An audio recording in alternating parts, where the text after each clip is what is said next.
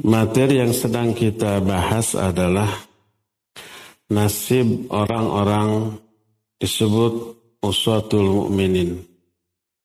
Orang-orang mukmin ahli maksiat di akhirat.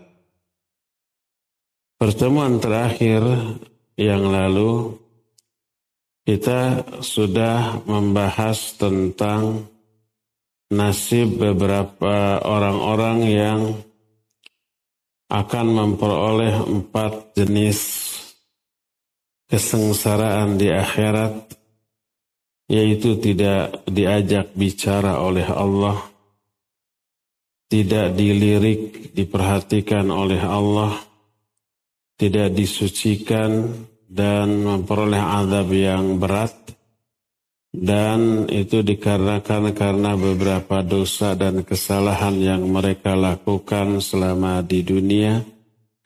Penjelasan itu sudah berlalu. Sekarang kita masuki poin berikutnya. Salah satu di antara orang yang akan sengsara di akhirat dari kalangan orang-orang muslim adalah Jangan-jangan di sini banyak. Karena konon yang saya tahu daerah Karawang ini daerah industri penyumbang pajak terbesar kepada negara. Ya,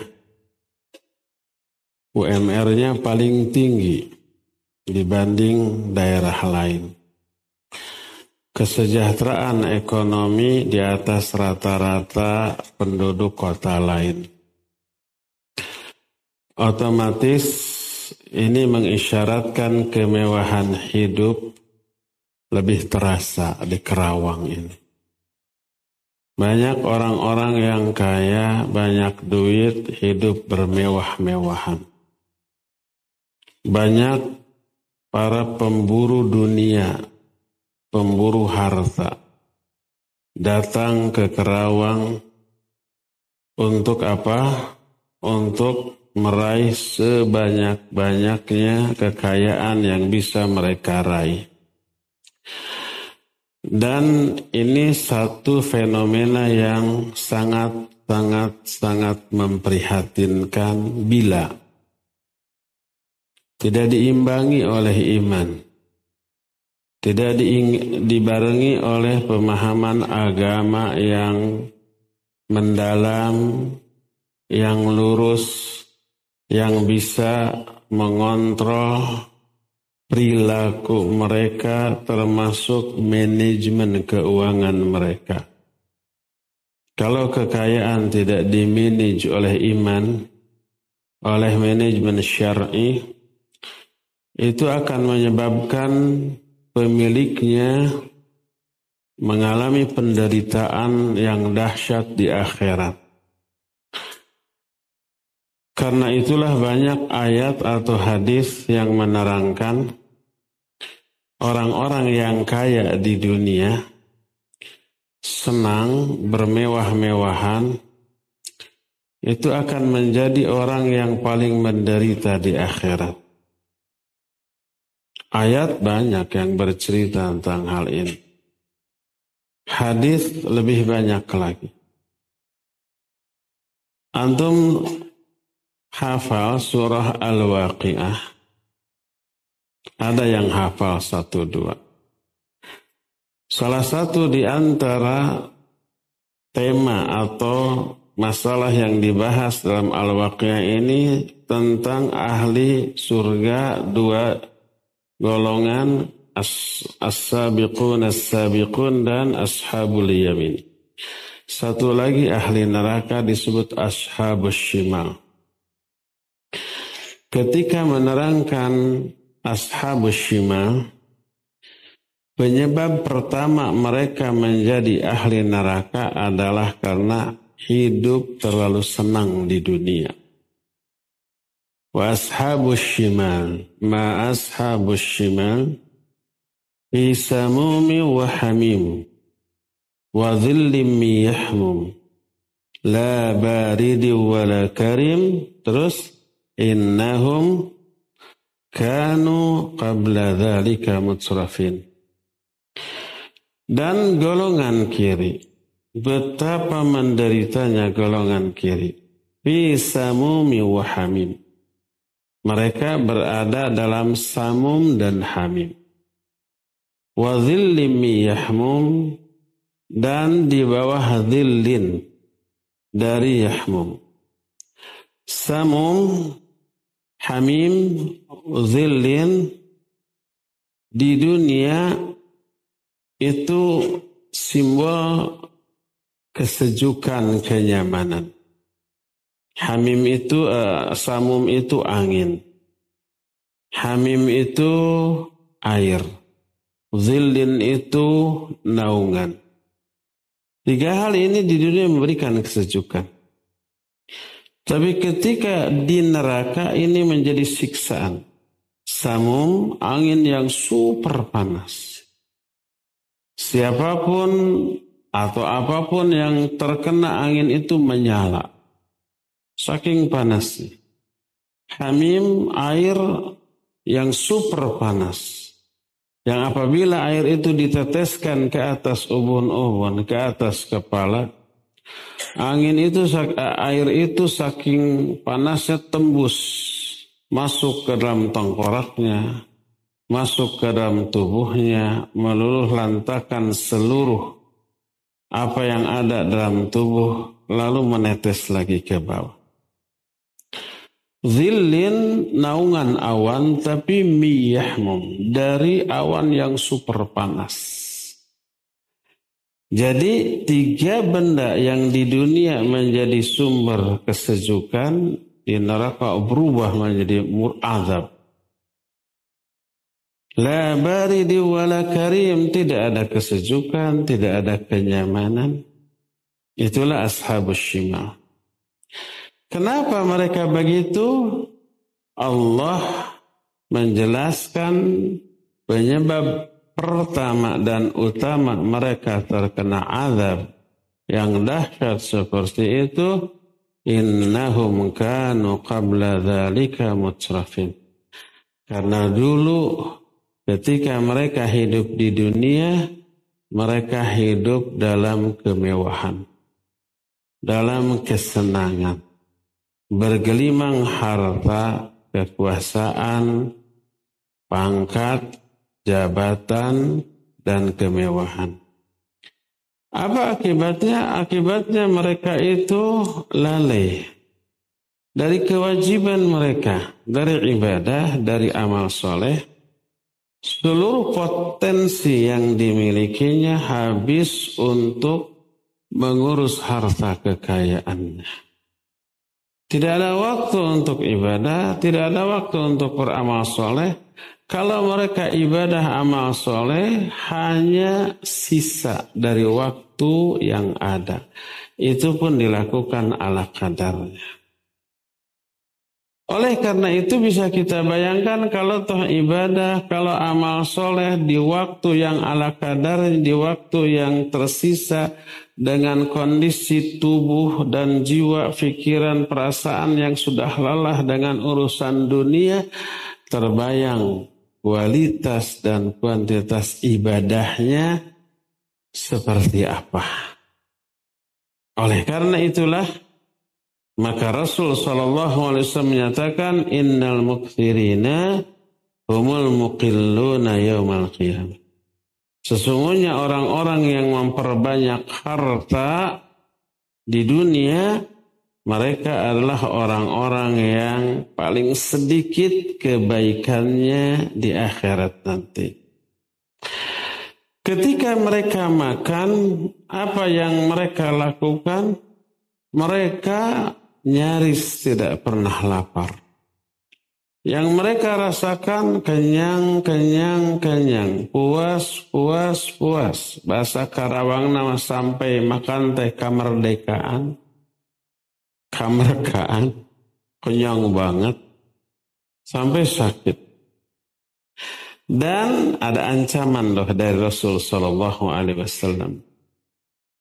Beliau menyatakan fa inna aktsarahum syab'an fid dunya atwaluhum ju'an yaumal qiyamah. Sesungguhnya orang yang banyak merasakan kekenyangan di dunia, mereka orang yang paling lama merasakan laparnya pada hari kiamat. Lapar pada hari kiamat. Dan ini diungkapkan oleh Abu Dhar Al-Ghifari ketika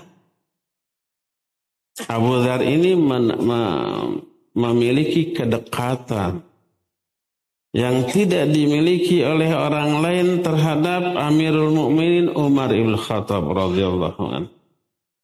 Di zaman Umar kesejahteraan itu melimpah. Orang-orang banyak mendekat ke Umar meminta bantuan ekonomi atau apalah gitu. Karena Baitul Mal melimpah. Adapun Abu Dar Abu Darda dia diam di rumah. Maka kata Ummu Darda, "Qultu li Abi Darda, ma laka la tatlubu kama yatlubu fulan wa fulan wa fulan?" Kata Ummu Darda, aku berkata kepada Abu Darda, suaminya, "Kenapa engkau tidak meminta kepada khalifah seperti si fulan, si fulan, si fulan?" Kalau Abu Darda datang ke Umar jangankan meminta, tidak diminta pun karena beliau sahabat senior, pahlawan Badar, itu pasti dapat tunjangan yang besar. Apa kata Abu Darda? La. Fa inni sami'tu Rasulullah sallallahu alaihi wasallam yaqul Inna amamakum aqabatan kaudan la yajuzuhal musqilun. Enggak, saya enggak mau. Karena saya mendengar Rasul SAW bersabda sesungguhnya di hadapan kalian nanti ada kesulitan perjalanan yang sangat menanjak mendaki terjal yang tidak bisa dilewati oleh orang-orang yang membawa beban yang berat. Hadis ini sahih terdapat di dalam kitab Mishkatul Masabih dan Syekh Al-Alamin dalam kitab Sahih Al-Jami menjelaskan hadis ini sebagai hadis yang sahih lalu ada tambahan. Kata Abu Darda fa inni uridu an atakhaffafa humulati. Aku ingin meringankan beban yang aku pikul ketika melewati jalan itu. Ketika menerangkan hadis ini, para ulama, hadis ini salah satunya diriwayatkan oleh Imam Abu Daud dalam kitab uh, Sunan Abu Daud. Berkata Syekh Mubarak Furi ketika menjelaskan hadis ini. Penjelasan ini salah satunya bisa kita dapat dalam kitab Aunul Ma'bud, syarah Sunan Abu Daud.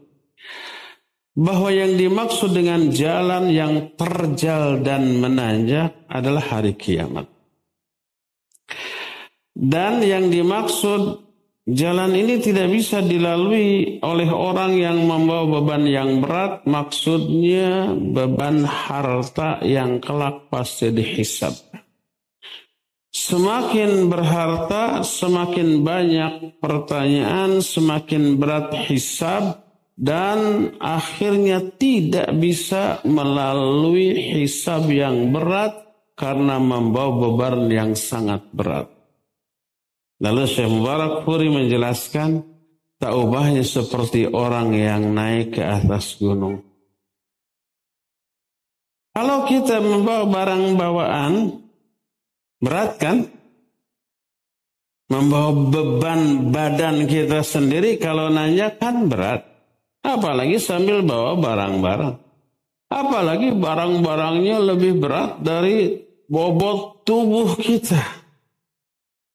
Jangankan untuk bisa naik ke atas, bertahan agar tidak menggelinding ke bawah juga sudah cukup berat. Oleh karena itulah maka kata Abu Darda, aku ingin meringankan beban yang aku bawa ketika menaiki jalan yang terjal ini. Maka dari sinilah para ulama menjadikan hadis ini sebagai dalil untuk menghindarkan sikap tamak, sikap loba, sikap rakus terhadap dunia karena kelak akan membebani kita ketika kita mengalami hisab di akhirat. Tadi dikatakan bahwa orang yang memperbanyak hartanya di dunia dia akan sedikit sekali kebaikannya di akhirat. Maka di antara beberapa bahaya dari harta ini diterangkan oleh Rasul Shallallahu Alaihi Wasallam dalam banyak hadisnya. Pertama, di antara mafsadat atau madarat harta sehingga orang yang berharta akan lebih menderita di akhirat adalah pertama harta itu akan melalaikan kita dari ibadah dari kewajiban, dari amal soleh. Karena apa? Karena waktu yang kita miliki, pikiran kita, perasaan kita, tenaga kita, itu habis dipakai untuk mencari harta dan mengelola harta setelah harta ini diperoleh. Makin banyak harta makin sibuk, ya enggak?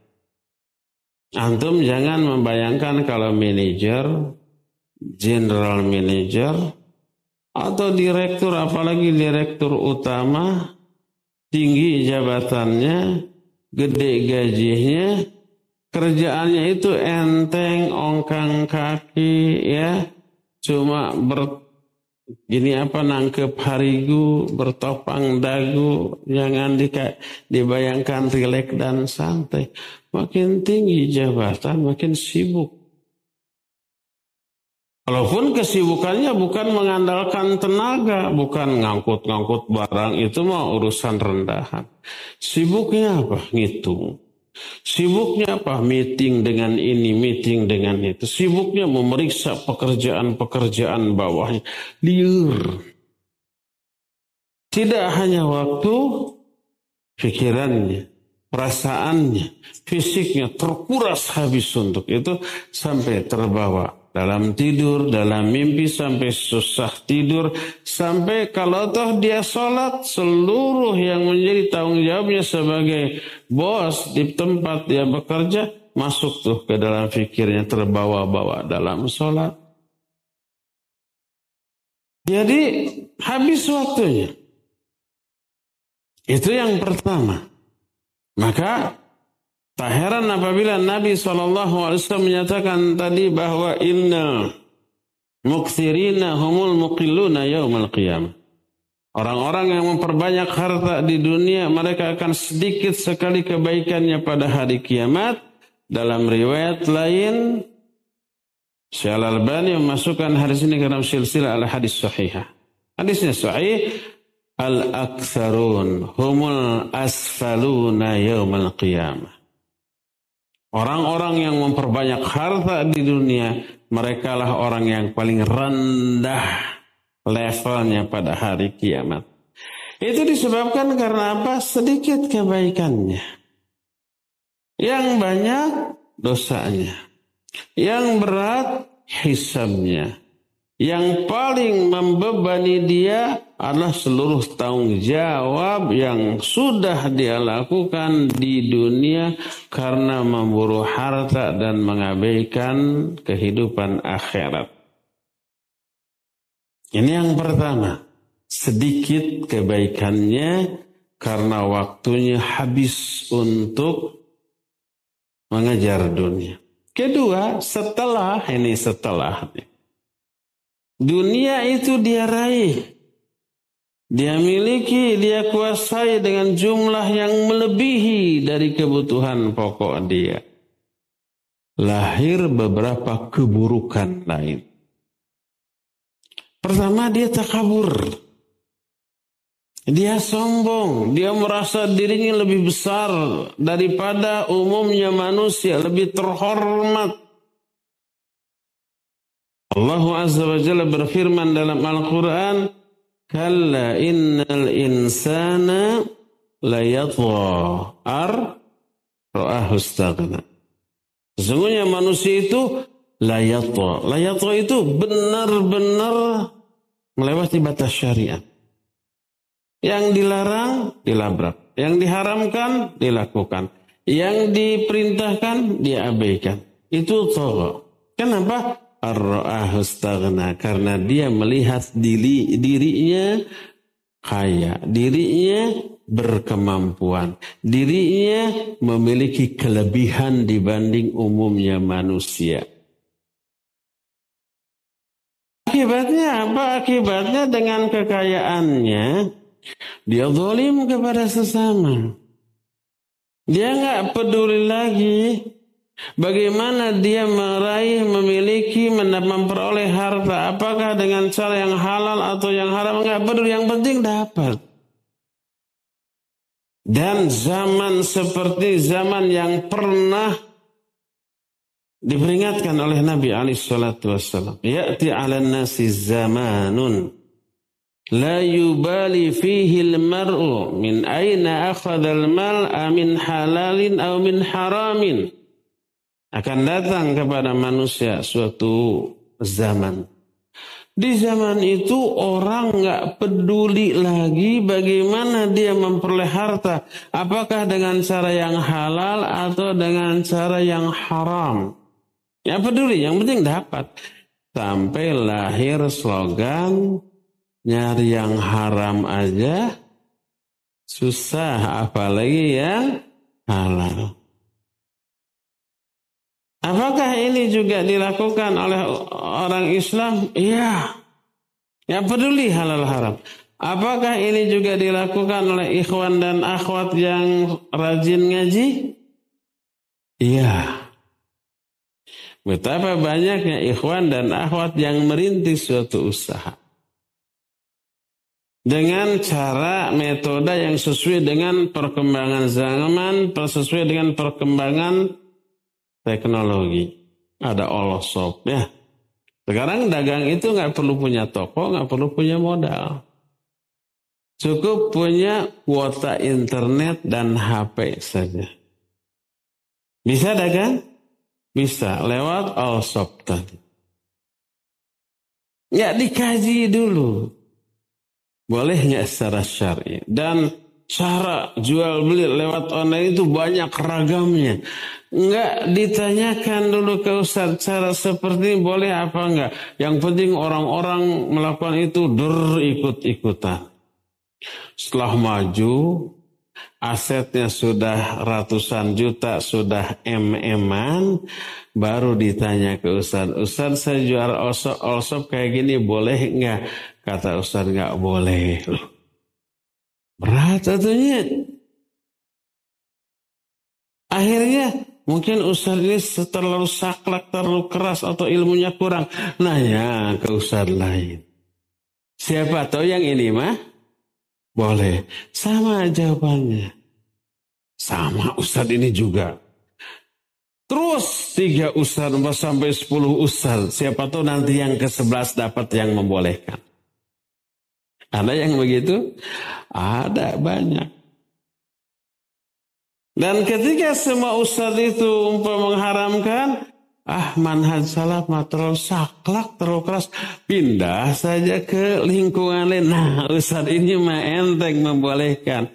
Akhirnya milih ustadz, milih manhaj sesuai dengan selera atau kepentingan duniawi. Dia nggak peduli halal haram.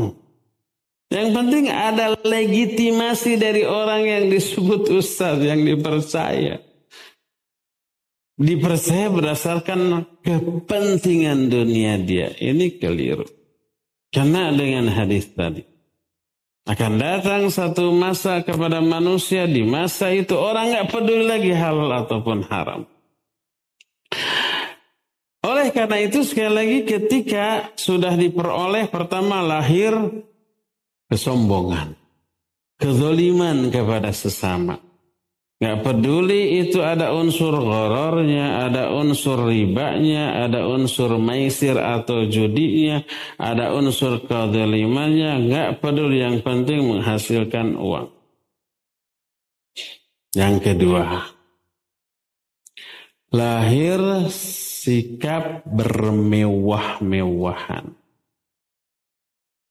Kalau sudah banyak uang, banyak harta, untuk apa lagi kalau untuk kalau tidak untuk dinikmati, ya enggak. Akhirnya dia bermewah-mewahan tuh dengan kekayaannya. Yang lebih parah sampai berani menggunakannya untuk sesuatu yang nyatanya tak diharamkan. Sampai pada taraf prostitusi, perzinahan, uang banyak ngapain lagi? Artis juga bisa dibeli dengan uang ini walaupun satu kali kencan harus bayar 80 juta. Ada kan yang segitu ya? Na'udzubillah. Mending dipakai beli mobil bisa dapat 80 juta tuh empat. Bannya aja. Ini cuma sejam dua jam 80 juta. Enteng bagi dia. Lalai dia dari aturan Allah. Kalau sudah begitu, dijamin dia berat untuk melakukan ibadah.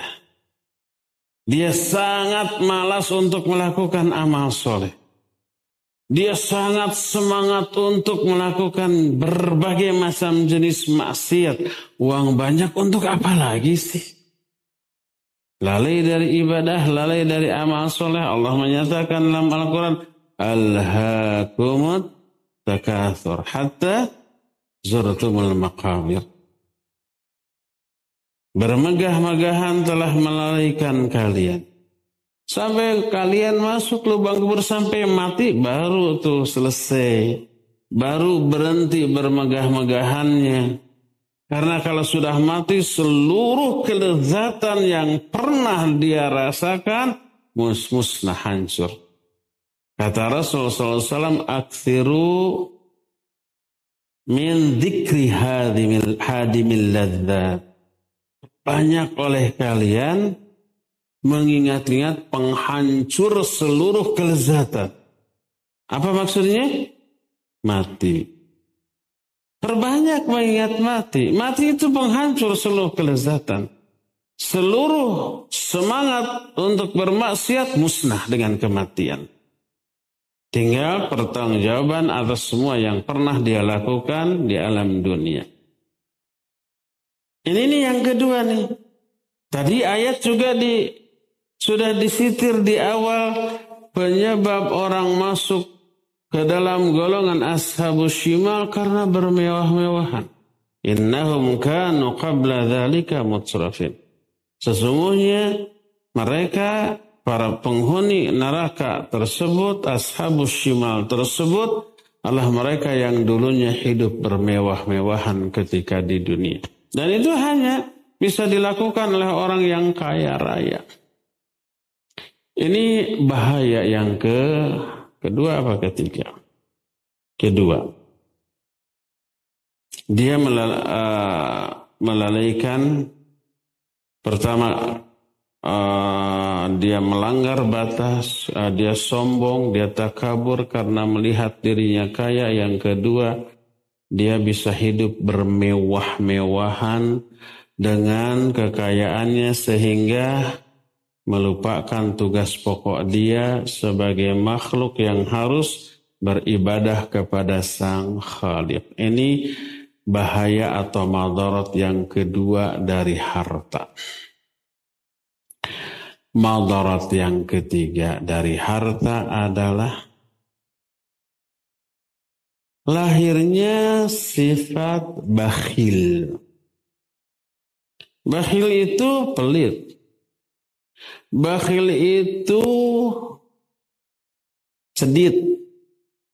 Kata orang Karawang mah, buntut kasiran, merengkel cap jahe merege hese. Itu bakhil. Dia kenapa sampai memiliki sifat bakhil karena merasa mencari harta itu tidak gampang. Butuh skill, butuh perjuangan, butuh pengorbanan. Setelah didapat masa begitu aja dikasih orang. Masa begitu saja dibagi-bagi ke orang yang dia anggap malas, akhirnya bakhil. Dan bakhil ini merupakan penghancur kehidupan manusia di zaman dahulu di kalangan Bani Israel sebagaimana sabda Rasul sallallahu alaihi wasallam menyatakan Ittaqus syuha fa inna syuha ahlaka man kana qablakum. Jauhi oleh kalian asyuh. Asyuh itu bakhil, pelit. Pelit yang didasari oleh kerakusan terhadap harta dunia.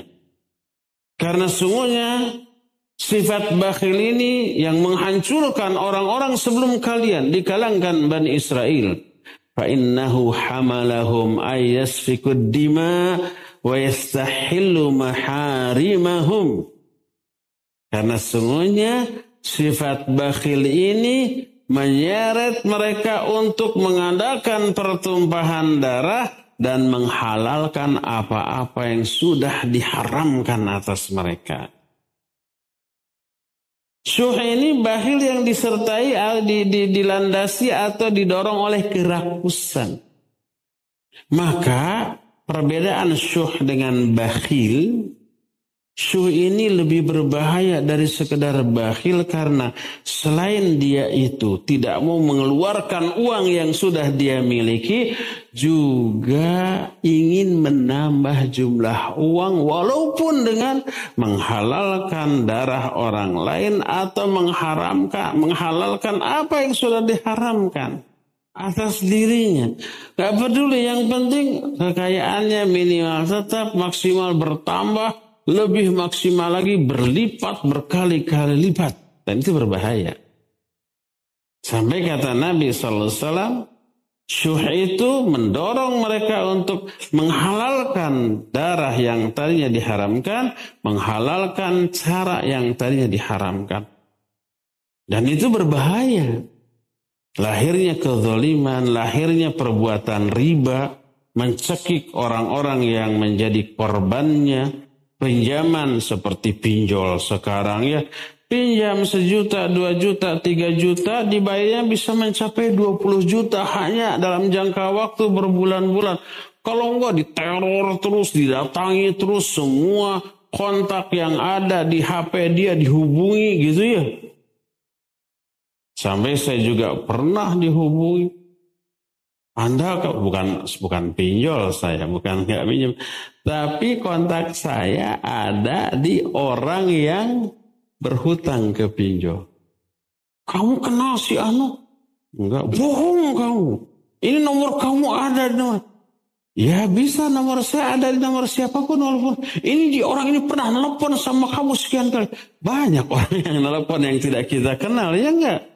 Ini apa masalahnya? Kok marah-marah begini? Dia bawa kabur uang saya. Pinjem gak dibayar sekarang hilang kontak. Dia yang pinjam saya yang dimarahi kenapa sih? ya karena kamu kenal sama dia. Kok karena ya karena kenal kena dimarahi ya. Padahal nggak kenal nggak. Ada di antara antum yang pernah telepon saya? Mungkin ada. Saya nggak kenal. Tidak semua yang nelpon kita kenal. Eh, kalau toh benar kenal, apa masalahnya yang pinjam dia hanya karena kenal kita kena getahnya ya? Bahaya nggak ini pinjol? Super bahaya. Jangan sekali-kali walaupun kepepet. Kalau ada orang ikhwan ahwat yang surat ustad saya tobat, saya sudah terjerat riba, saya pinjol, kena pinjol, sekarang dikejar tolong saya. Saya bilang puas. Sudah tahu itu riba. Di jalan, iya sekarang saya sudah tobat. Tobat sambal mungkin. Kita bantu lunasi, pinjam lagi nanti. Yang lebih gede. Nanti ngeluh lagi ke ustadz lain. Jadi orang karena bakhil menghalalkan segala cara untuk memperolehnya. Setelah diperoleh, dia kip untuk dirinya. Gak keluar zakatnya. Gak keluar infaknya. Gak keluar kedermawanannya. Dia egois. Dia nggak peduli kepada sesama muslim, nggak ada rasa apa namanya perhatian yang menjadi ciri khas seorang muslim. Maka dia melanggar banyak ayat, banyak hadis yang menjelaskan sebagai sesama muslim wajib tolong menolong, wajib saling peduli, wajib saling perhatian, wajib saling meringankan, wajib saling mencintai kecintaan seorang muslim dengan muslim itu seperti satu tubuh. Bila ada satu anggota badannya yang sakit, maka seluruh tubuhnya merasakan demam dan tidak bisa tidur. Itu hadis. La tadkhulul jannata hatta tu'minu wa la tu'minu hatta. Kamu nggak bisa masuk surga sebelum beriman. Kamu nggak bisa dikatakan beriman sebelum kamu saling mencintai. Dan salah satu wujud nyata dari saling mencintai adalah peduli, perhatian, membantu, menolong, nge-share atau membagi apa yang dia bisa bagi untuk saudaranya. Innamal mu'minuna ikhwah. Mukmin yang dengan mukmin itu hanyalah bersaudara. Maka ketika persaudaraan yang diikat dengan iman ini diaplikasikan dalam bentuk menolong, dalam bentuk membantu, peduli, meringankan, maka amal tersebut amal yang paling dicintai oleh Allah dan orang tersebut orang yang paling dicintai oleh Allah. Hadis sahih riwayat Imam At-Tabrani menyatakan ahabbul ibadi ilallahi anfa'uhum. Hamba yang paling dicintai oleh Allah adalah hamba yang paling bermanfaat bagi manusia lainnya. Terus wa ahabbul a'mali ilallah sururun tudkhiluhu ala qalbil muslim. Au taqdi anhu dainan au takshifu anhu kuraban au tatardu anhu ju'an tuh sampai begitu tuh Amal yang paling dicintai oleh Allah adalah memasukkan kebahagiaan kepada hati sesama muslim. Ini wujud ukhuwah. Wujud rasa cinta. Atau kamu lepaskan orang itu dari kesulitan. Atau kamu bayarkan atau lunasi hutangnya. Atau kamu usir rasa lapar dari dirinya. Ini wujud ukhuwah. Ini wujud kepedulian. Sampai Nabi SAW di akhir hadis ini menyatakan, Fawallahi li an amsya ma'akhi fi hajatihi ahabbu ilayya min an a'takifa fi masjid syahra. Demi Allah, sampai sumpah tuh. Seandainya aku berjalan bersama saudaraku untuk membantu dia memenuhi kebutuhan dunianya, itu lebih aku sukai. Daripada beriktikaf di masjidku ini selama satu bulan. Iktikaf di Masjid Nabawi seribu kali lipat dibanding iktikaf di Masjid Alia ini. Apa sih kegiatan iktikaf? Malamnya ibadah, baik sholat, ataupun baca Quran, zikir, berdoa, Siangnya sama ditambah saum. Sebulan penuh bayangkan. Siang malam ibadah di tempat yang sangat mulia di Masjid Nabawi. Segede apa itu pahalanya? Gak kehitung. Kalau itu dilakukan di Masjid Aliyah, sudah gede banget pahalanya. Kalau itu dilakukan di Masjid Nabawi, seribu kali lipat pahalanya. Tapi kata Nabi, demi Allah, kalau aku berjalan bersama saudaraku untuk membantu dia dalam memenuhi kebutuhan dunia, lebih aku sukai daripada itikaf sebulan di masjidku. Makna lebih aku sukai, aku taruha ajra lebih banyak pahalanya dibanding itikaf sebulan penuh di Masjid Nabawi. Ini menunjukkan besarnya keutamaan dan pahala peduli kepada sesama. Menolong, membantu kepada sesama. Maka orang yang pelit, bakhil, yang buntut kasiran, yang keket merengkel cap jahe merege hese adalah orang yang sudah hilang rasa cinta kasih kepada sama mukmin, hilanglah juga rasa persaudaraan yang terhadap muslim, hilang pula lah keimanan. La tadkhul jannah hatta tu'minu wa la tu'minu hatta tahabu.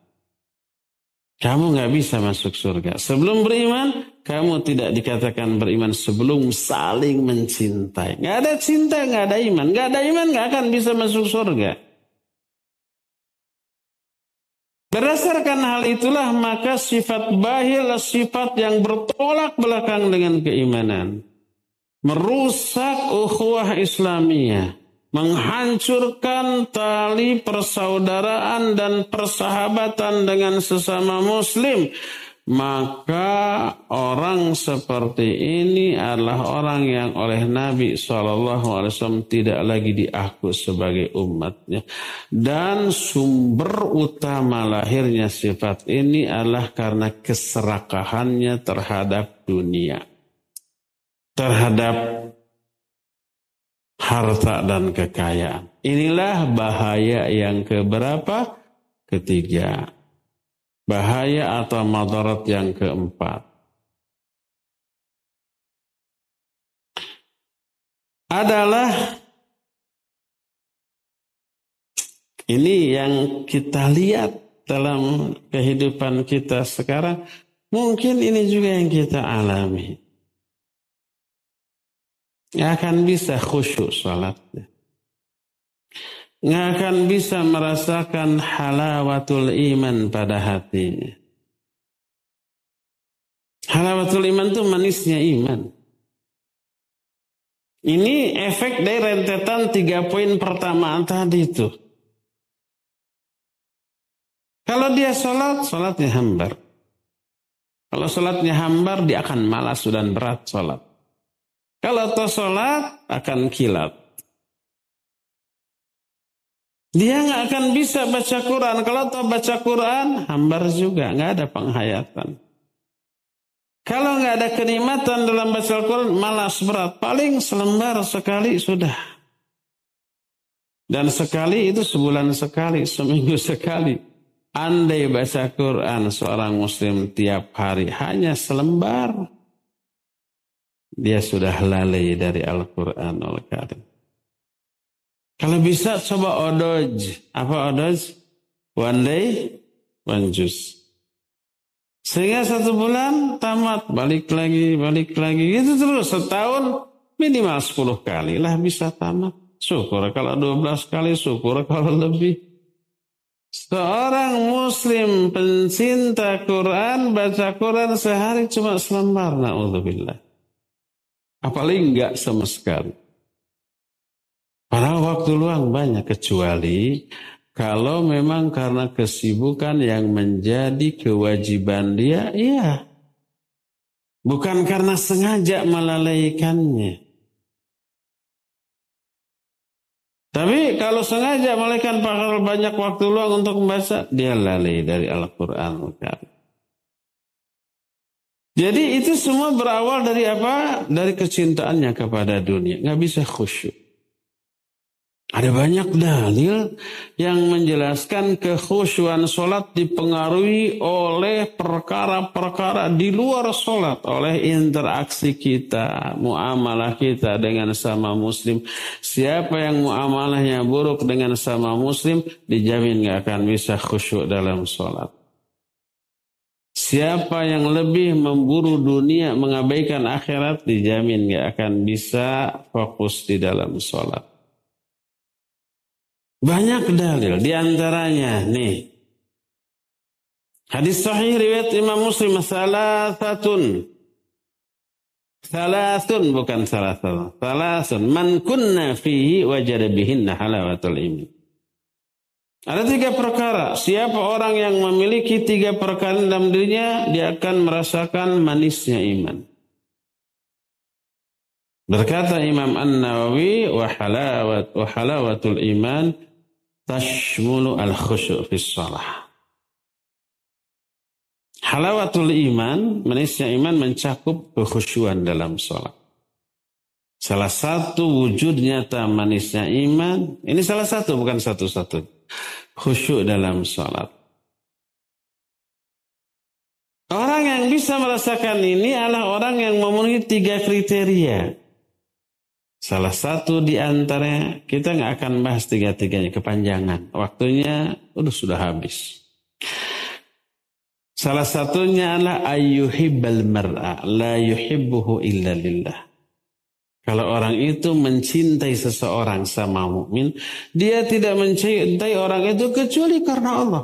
Ternyata mencintai sama mukmin karena Allah termasuk salah satu syarat mutlak untuk bisa merasakan manisnya iman. Dan salah satu wujudnya tak manisnya iman itu apa? Khusyuk fisalah. Kalau ada masih ada kebencian, permusuhan, kedengkian kepada sesama muslim, jangan berharap bisa khusyuk dalam sholat. Khusyuk dalam sholat hadiah dari Allah. Tidak khusyuk dalam sholat, hukuman, azab dari Allah. Karena kesalahan kita. Salah satu kesalahannya adalah tidak mencintai sama muslim karena Allah. Ini hadis pertama. Langsung dikaitkan, nggak panjang lebar. Sekali lagi waktunya nggak cukup. Dua hadis lain yang juga sahih. Diriwayatkan Imam Al-Hakim, Imam Ibn Majah kata Al-Hakim hadis ini sahih berdasarkan syarat Bukhari dan Muslim dalam kitab Al-Mustadrak. Imam Al-Zahabi menyepakati persahihan Al-Hakim terhadap hal ini. Hal ini Nabi SAW bersabda, Man kanatil akhiratu hammahu Allahu amrahu wa ja'alal ghina fi qalbihi wa ya'tihi dunya wa hiya raghimah. Ini kiat kiat bahasa Indonesia, sanes bahasa Sunda. Kiat itu maknanya apa? Petunjuk, clue, pedoman, tuntunan. Kiat untuk apa? Kiat agar kita dikejar-kejar dunia. Karena selama ini orang mengejar dunia ya. Buat sebaliknya. Dunia yang mengejar kita dalam keadaan kita nggak butuh kepada dunia. Dunia ini tidak hanya uang. Dunia ini empat tak. Harta, tahta, wanita, Toyota. Iklan. Dibayar hentenya. Siapa yang ingin dikejar oleh empat ini? Resep. Selama ini kita yang mengejar empat ini, barijang ya empat ini makin jauh dari kita ya mengejar harta, uh semakin jauh. Mengejar tahta nggak dapat, nyalon kalah. Mengejar ahwat, ih malah ditolak sapa jodogan. Nah, ini resepnya. Kata Rasul Sallallahu Alaihi Wasallam, Siapa orang yang menjadikan akhirat sebagai cita-citanya? Niatkan semua yang kita lakukan di dunia untuk meraih keuntungan di akhirat loh. Bukan meraih keuntungan di dunia. Kita mencari harta bukan untuk bersenang-senang di dunia. Harta itu sebagai alat untuk bisa meraih kebahagiaan di akhirat. Dengan harta kita bisa zakat, infak, sodako. Kalau ada orang yang lagi bikin pondok gitu ya, tanya berapa anggarannya. 10 miliar, bikin 20 miliar nih saya sumbang. Itu yang bikin masjid tanya berapa anggarannya Ah cuma 2 miliar, bikin yang 5 miliar, saya sumbang. Gitu. Bisa haji, bisa umroh, bisa membiayai dakwah. Coba ini yang nyumbang kamera, menyumbang lampu. Mungkin suatu saat kameranya rusak nggak? Iya rusak, pasti itu. Hancur. Tapi pahala nyumbang kamera itu terus abadi sampai hari kiamat. Kamera ini dipakai untuk merekam kajian. Kajiannya diupload ke media sosial, ke internet. Kameranya sudah hancur, video ceramahnya masih ada? Masih ada. Satu kamera bisa merekam ribuan ceramah. Kameranya hancur, orangnya sudah mati. Maksudnya nanti ya, sekarang masih ada yang nyumbang kamera orangnya. Biasanya setelah diomongin begini nyumbang lagi. Maka apa yang terjadi selama ceramah yang direkam oleh kamera itu ditonton oleh orang. Dia dapat pahala. Yang nontonnya dapat pahala. Yang kameramennya dapat pahala, dapat pahala. Yang nyumbang kameranya dapat pahala. Ustaznya iya, asal ikhlas. Semua yang terlibat dapat pahala. Selama rekamannya menyebar dan bermanfaat bagi orang banyak. Ada jutaan, satu ceramah ditonton oleh jutaan. Selama sekian tahun, entah berapa puluh tahun rekaman ini akan bertahan. Selama teknologi ini ada, selama itu masih menyebar manfaat. Ya enggak? jariah mengalir terus pahalanya sampai ke alam kubur. Untuk itu kita cari harta. Untuk bisa menghasilkan pahala yang terus mengalir sampai hari kiamat. Makanya saya rajin kerja agar bisa dapat duit yang banyak. Setelah itu kalau ada masjid saya sumbang. Kalau ada pondok saya sumbang. Kalau ada yang mau bikin madrasah saya sumbang. Kalau ada yayasan dakwah yang perlu peralatan yang dibutuhkan untuk dakwah saya sumbang. Nah untuk itu dia rajin kerja tuh. Bukan biar saya setiap bulan ganti HP yang baru. HP saya sudah jadul murah meriah 1,8 juta. Tapi sampai sekarang saya nggak minta ganti. Bisa saya beli yang baru ya. Bisa beli yang 20 juta juga. Dicicil 20 tahun. Tapi ini cukup. Cuma telepon WA sudah ya. Nggak perlu apa namanya yang mahal-mahal. Yang penting beroperasi gitu. Bukan untuk membeli HP yang baru tiap bulan, bukan untuk merenovasi rumah tiap tahun, bukan untuk ganti mobil setiap tahun, bukan untuk bermewah-mewah dengan kekayaan, tapi untuk menjadikan kekayaan sebagai alat meraih kebahagiaan yang hakiki di akhirat nanti. Ini berarti menjadikan akhirat sebagai cita-cita. Kata Nabi alaihi salatu wasallam, "Man kanatil akhirah hammahu." Siapa orang yang menjadikan akhirat sebagai cita-citanya? Siapa Allahu amrahu. Allah akan memfokuskan seluruh urusan. Ya bercabang ke banyak hal yang harus difikirkan dan dipedulikan. Enggak. Karena cita-citanya hanya akhirat, fokus satu, semuanya difokuskan ke sana. Dan dia tidak akan peduli terhadap respon orang-orang di sekelilingnya. Kalau dia menolong, membantu, yang dia harapkan bantuan ini akan bahagiakan dia di akhirat. Allah akan membalas, bukan orang itu. Dia tidak mengharapkan balasan apa-apa dari orang yang ditolongnya. Bahkan ucapan terima kasih. Kalau balasan dari orang yang ditolong, nanti kita bisa pilih-pilih orang untuk ditolong. Orang kaya, orang berkuasa ditolong, pasti bisa balas budi. Walaupun belum tentu. Orang miskin nggak bisa membalas budi, nggak perlu ditolong. Bisa begitu nanti. Tapi kalau yang kita harapkan balasannya dari Allah. Bukan dari orang ini. Wah kalau balasan dari roh pasti luar biasa dan abadi di akhirat.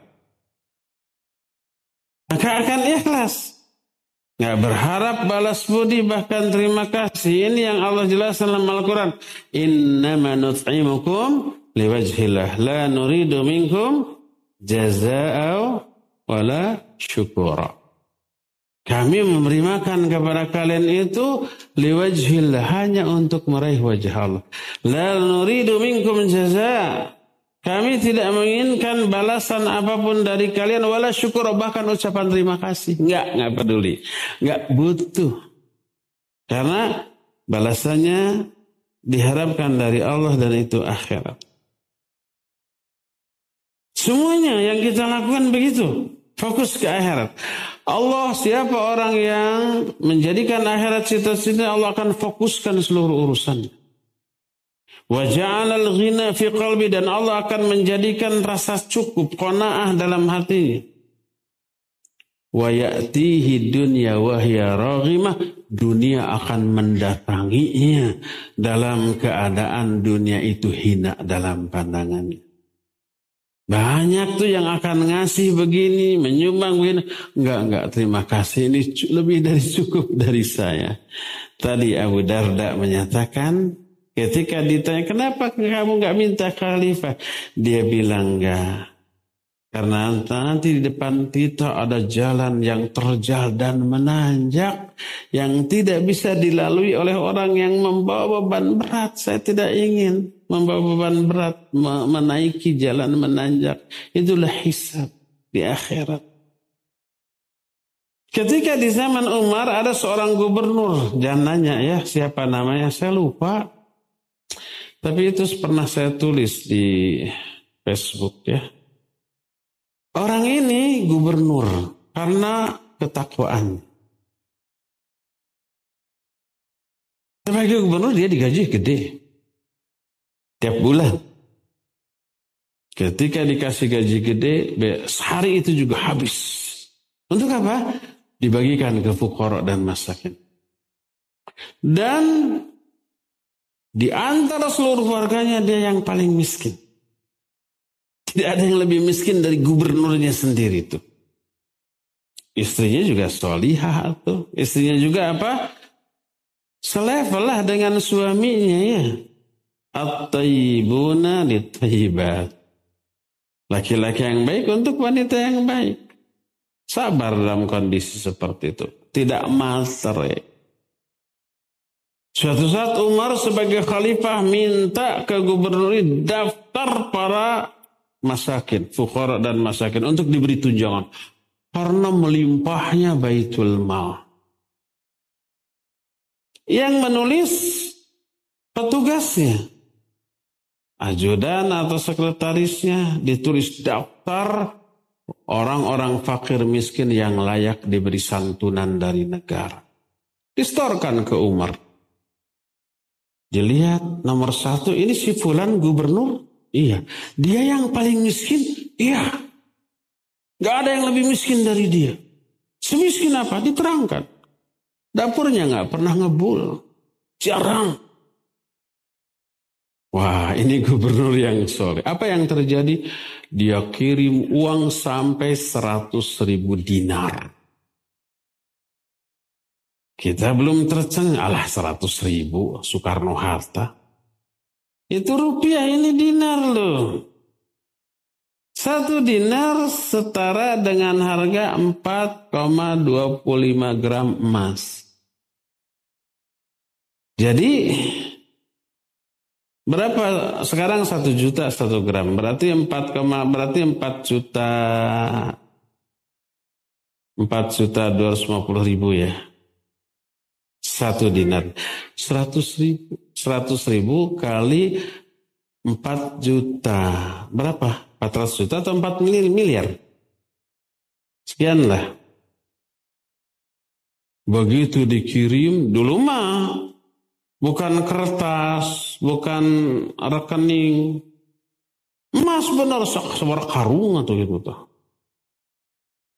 Datang petugas membawa ini untuk kamu. Si gubernur langsung istirja. Inna lillahi wa inna ilaihi raji'un. Terdengar oleh istrinya di kamar. Ada apa? Adakah musibah? Iya. Apakah kaum muslimin kalah di medan perang? Dijawab, la bal asyaddu min dhalik. Enggak, ini lebih dahsyat lagi daripada itu. Hal qad mata Amirul Mu'min apakah Amirul Mu'min Umar bin Khattab meninggal? Bal asyaddu min dhalik. Ini lebih parah lagi daripada itu.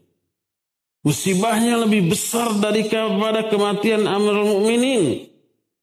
Apakah itu? Fitnah dunia telah masuk ke rumah kita. Ini ada uang karungan ini.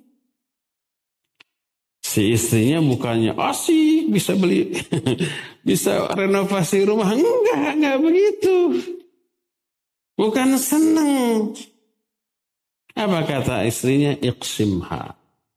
Kalau begitu bagikan saja. Dibagi hari itu habis nggak tersisa. Karena apa? Karena dia takut terhadap hisab atas harta ini. Itu yang dilakukan oleh gubernur. Tapi bukan gubernur di Indonesia. Di sono. Dan bukan zaman sekarang, zaman bahula. Sekarang mah nggak ada yang kayak gitu. Baik gubernur atau RT, apalagi raja dan presiden. Sekarang rata-rata matre. Nah jadi siapa orang yang menjadikan akhirat sebagai cita-citanya Allah akan fokuskan urusannya. Allah akan berikan kecukupan dalam hatinya dan dunia akan mendatanginya dalam keadaan dunia ini hina. Dia nggak butuh terhadap dunia itu. Itulah karakter dikejar dia lari menjauh dipunggungi, dia datang mengejar. Kalau ingin dikejar oleh dunia, baik uang termasuk ahwat, cuekin aja, dia akan ngejar kita. Banyak kisah inspiratif di antara ini. Duh, sudah habis waktu sudah lewat. Untuk tanya jawab sudah habis 15 menit. Tersisa 15 menit lagi. Saya tutup dengan satu kisah yang menarik tentang orang yang dikejar akhwat yang sangat dicintai oleh orang itu tapi dia lari menjauh. Dengan resepnya, antum bisa bisa bisa apa namanya praktekkan ini, dijamin dikejar akhwat. Saya sudah mempraktekannya. Tapi nggak ada yang ngejar.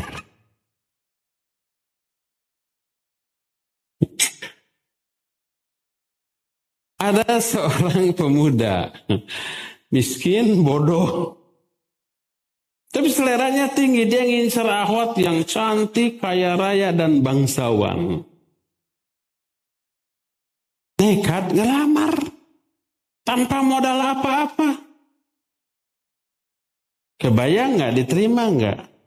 Ya enggak lah, kata orang Sunda mah, orang Karawang mah, daya arahanana ya pemuda. Apa terjemahannya nggak ada? Tidak ada arahannya gitu.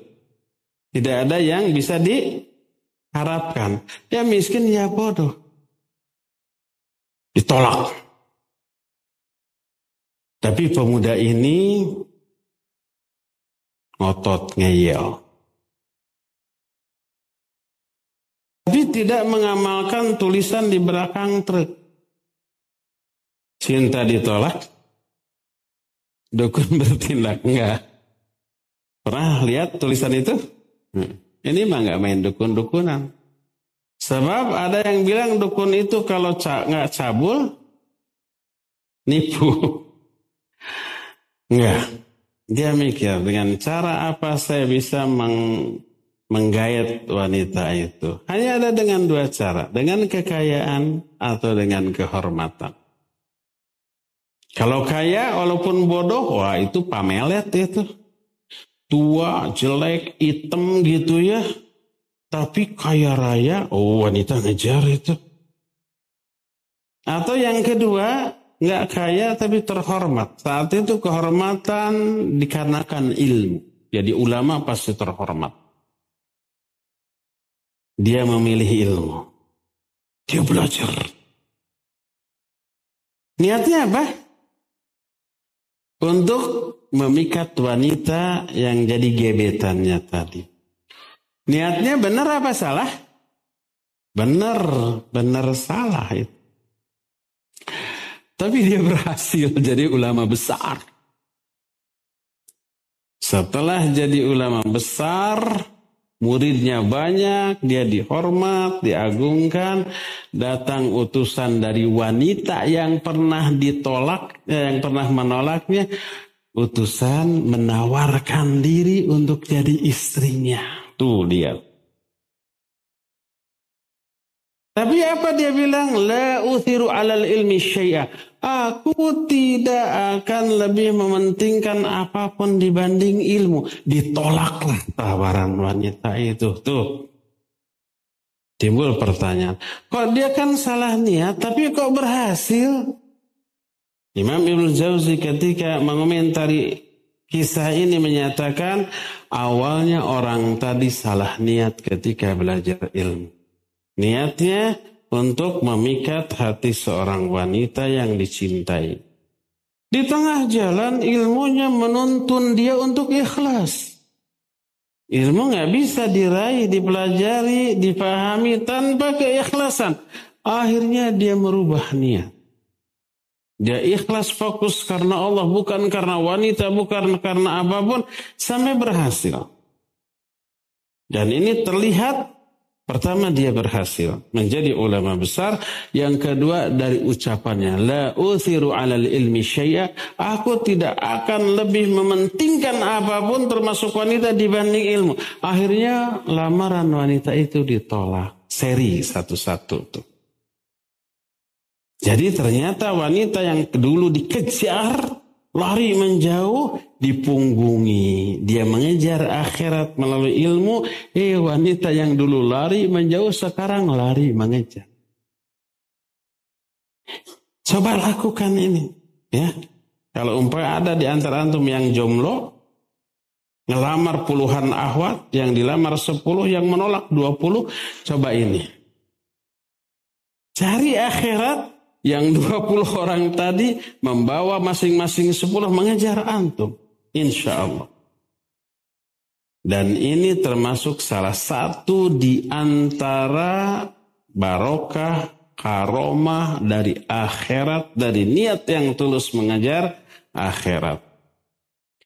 Silakan cari dunia, uang, kekuasaan, jabatan, tapi gunakan itu sebagai alat untuk meraih kepentingan akhirat, bukan untuk bersenang-senang, bermewah-mewahan, bermegah-megahan di alam dunia yang mengabaikan kita dari kewajiban kita sebagai makhluk. Cukup ya sampai di sini saja. Insya Allah kita lanjut di pertemuan yang akan datang. Dan kita masih punya sisa waktu kira-kira tujuh menit untuk pertanyaan jawab. Wassalamualaikum ala Nabi Muhammadin wa ala alihi wa ashabi wassalam.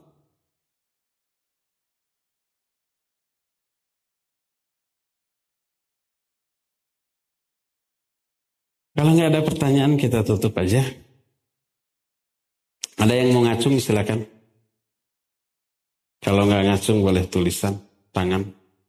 Panitia dikumpulkan kalau ada pertanyaan dari jauh.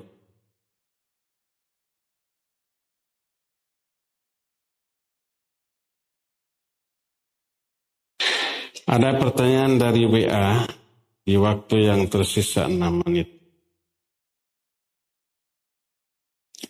Bismillah.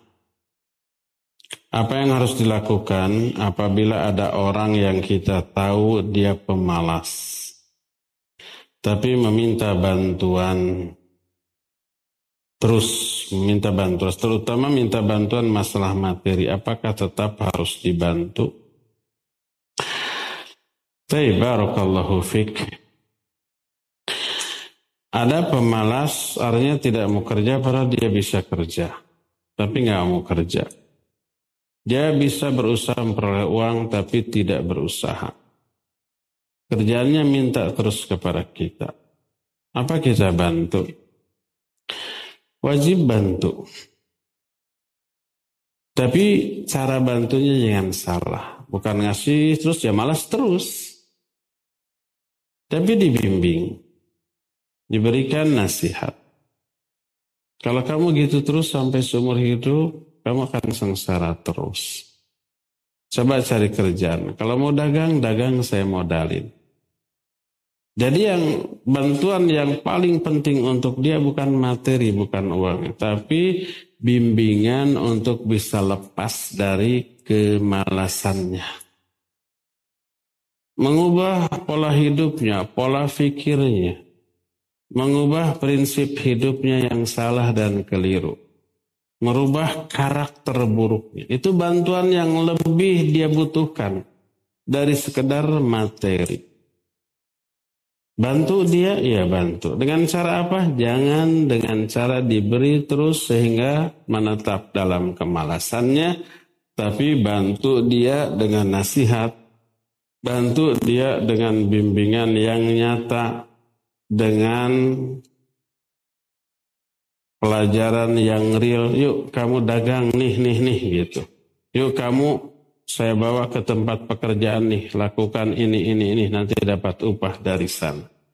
Itu yang lebih perlu. Apabila dia pemalas, bisa, bisa kerja tapi nggak mau kerja, bisa berusaha tapi nggak mau berusaha, kita ban, kita kasih terus, itu bukan membantu, tapi menjerumuskan dia untuk menetap di dalam kemalasannya. Itu bukan bantuan, itu penjerumusan. Jadi bantu dia bukan dengan cara memberi, tapi dengan cara memberikan nasihat dan bimbingan. Wallahu a'lam bishawab. Ada lagi?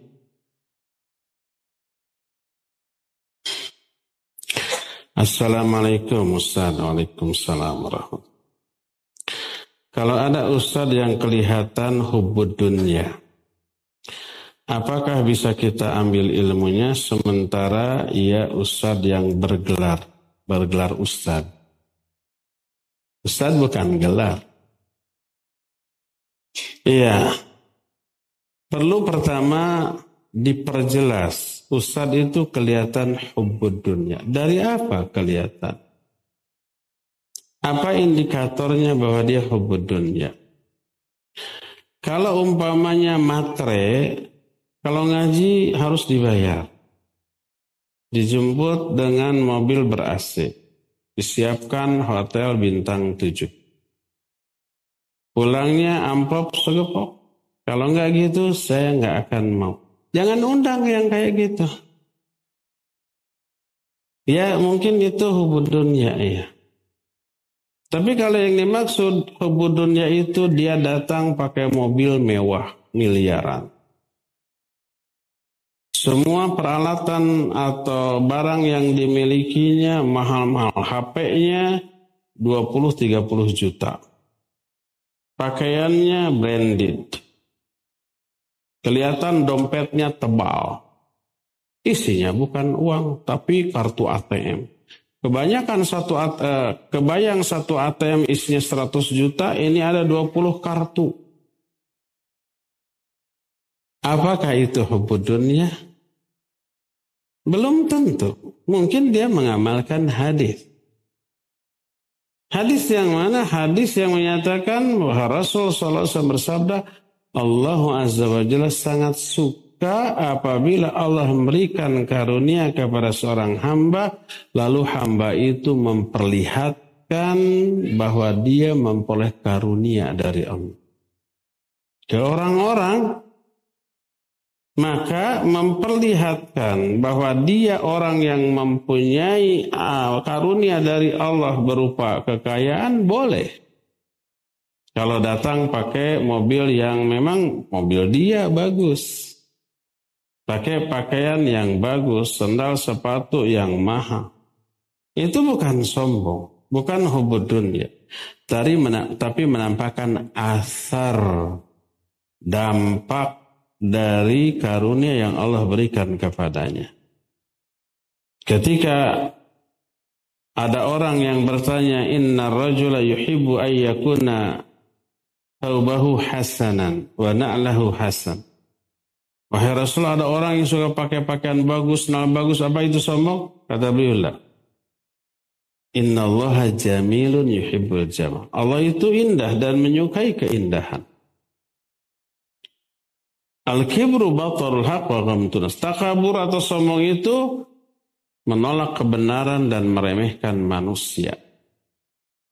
Makanya kata Syekh Al-Utsaimin rahimahullah, kalau kita umpamanya diberi kekayaan oleh Allah, tampakkan ke orang-orang bahwa Allah memberikan kekayaan kepada kita. Jangan sampai karena takut diminta, takut dipinjam, pura-pura miskin. Kamu ada uang, aduh saya juga ribu. Untuk besok juga nggak tahu makan di mana tuh. Maksudnya di restoran mana gitu ya. Bohong menyembunyikan pemberian yang Allah berikan kepada anda. Apakah memakai pakaian mewah, mobil mewah itu termasuk syuhriyah? Enggak. Kecuali kalau kita mau mendatangi orang-orang fakir, orang miskin, orang yang tidak punya, lalu kita ke sana pakai mobil mewah, pakaian mewah, ya berbeda dengan orang lain untuk menunjukkan bahwa kita di atas mereka, ya ini nggak boleh. Termasuk pakaian syuhriah kalau kita mau mendatangi komunitas orang kaya. Lalu kita ke sana pakai uh, taksi online atau pakai motor yang butut, pakaian yang belel gitu ya. Untuk menunjukkan kita tawadu. Itu pakaian syuhriah. Nggak boleh. Untuk membedakan diri dari banyaknya orang kaya, kita menunjukkan seolah-olah kita fakir dan miskin, untuk dikenal sebagai orang yang tawadu itu terlarang. Maka kalau kita akan mendatangi, mendatangi komunitas orang kaya dan kita punya kekayaan, tampakkan. Dan sebaliknya kalau kita mendatangi orang-orang yang fakir, yang miskin, maka jangan menonjolkan diri dengan kekayaan karena itu akan menyakiti mereka. Jadi kalau yang dimaksud hubbud dunia adalah menampakkan bahwa dia pun orang berada, itu bukan hubbud dunia. Mungkin dia infak sodakoh, mungkin. Mungkin dia bangun masjid, bangun pondok pesantren, menyantuni fakir miskin, menyantuni beberapa orang yang apa namanya perlu disantuni, tapi nggak bilang ke orang-orang dan masih banyak sisa, tetap dia masih uh, terlihat banyak uang nggak masalah. Itu bukan hubud dunia. Tapi kalau nyata-nyata ustadz tersebut matre hubud dunia. Nah, salah satu ini belum belum belum terbahas. Efek buruk dari hubud dunia adalah dia bisa menjadikan agama sebagai alat yang bisa dipelintir untuk mencari kekayaan dunia. Itu berbahaya itu. Nanti dia minta fatwa pendapat sesuai dengan pesanan dan sesuai dengan harga dari pesanan itu. Ini fatwanya muhalal muharam. Tergantung berapa bayarnya. Yang haram bisa halal, yang halal bisa haram. Dulu ada zaman judi, tahu nggak namanya porkas. Siapa yang tahu mengalami zaman ini berarti dia sudah tua. yang nggak tahu masih muda. Tahun berapa ya? 80 atau 90 gitu ya. Judi itu haram. Bandar judi itu minta fatwa kepada ulama yang omongannya didengar. Bikin fatwa bahwa ini adalah halal bukan judi. Lahir tuh buku untuk memberikan legal, legalitas yang lebih kuat bahasa Arab. dan diterjemahkan. Judulnya adalah Raf'ul Iltibas fi Tahlilil Porkas. Saya sempat dapat buku itu dalam buku asli. Raf'ul Iltibas fi Tahlilil Porkas. Mengangkat keraguan-raguan tentang halalnya porkas. Gede itu. Judi itu omsetnya mencapai bukan bukan miliaran tapi triliunan ya enggak? Karena salah satu biaya yang harus dikeluarkan untuk mencari backing yang kuat ini agar judinya aman. Ini terjadi di banyak negara, di banyak tempat dan di banyak zaman. Wallahu a'lam bishawab. Udah terakhir ya. Bismillah, Assalamualaikum warahmatullahi wabarakatuh. Waalaikumsalam. Apakah berinvestasi untuk masa depan termasuk berburu harta, investasi emas, tanah, dan saham? Pertama, investasi murni yang halal tidak masalah. Menabung tidak terlarang. Selama niat menabungnya untuk kemaslahatan menabung untuk haji, menabung untuk umroh, menabung kalau nanti saya tua harus ke rumah sakit tidak merepotkan anak-anak saya punya uang sendiri. Menabung untuk suatu yang maslahat kebaikan boleh. Apa pun bentuknya, baik investasi di sebuah usaha, investasi emas, dalam arti emasnya real. Saham perusahaan yang saham perusahaannya halal, boleh. Kecuali kalau investasinya fiktif, hati-hati. Sekarang ada investasi fiktif. Ada orang jual saham, jual emas, tapi cuma harganya. Emasnya nggak ada.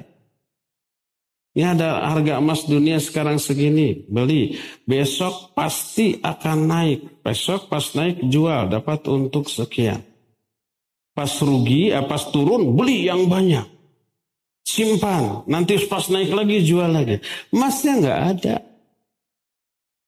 Emasnya di mana? Ya nggak ada. Ini mah kita cuma jual beli harga emas. Gambling itu judi. Nggak sah jual beli itu. Salah satu rukun dari jual beli adalah ada barang yang dijual. Ini nggak ada barangnya. Hanya emasnya. Ada kan yang seperti itu? Perusahaan penjual harga emas dan harga saham. Saham dari perusahaan yang juga fiktif nggak ada perusahaan itu. Produknya nggak ada alamatnya di mana nggak ada hanya namanya aja. Oh saham perusahaan ini harganya sekarang sekian lagi turun beli nih. Besok lusa naik jual. Sahamnya mana? Nggak ada sahamnya karena perusahaannya juga nggak ada Bukti yang ada hanyalah bukti transaksi jual beli saham yang sahamnya nggak ada, perusahaannya nggak ada. Ini fiktif, nggak boleh. Saya yakin Ikhwan yang punya saldo di bank yang ratusan juta pernah dihubungi oleh perusahaan-perusahaan seperti ini. Dapat data yang mungkin entah dijual oleh pihak bank atau oleh pihak mana. Dapat data orang-orang yang punya saldo lebih itu. Gitulah ya.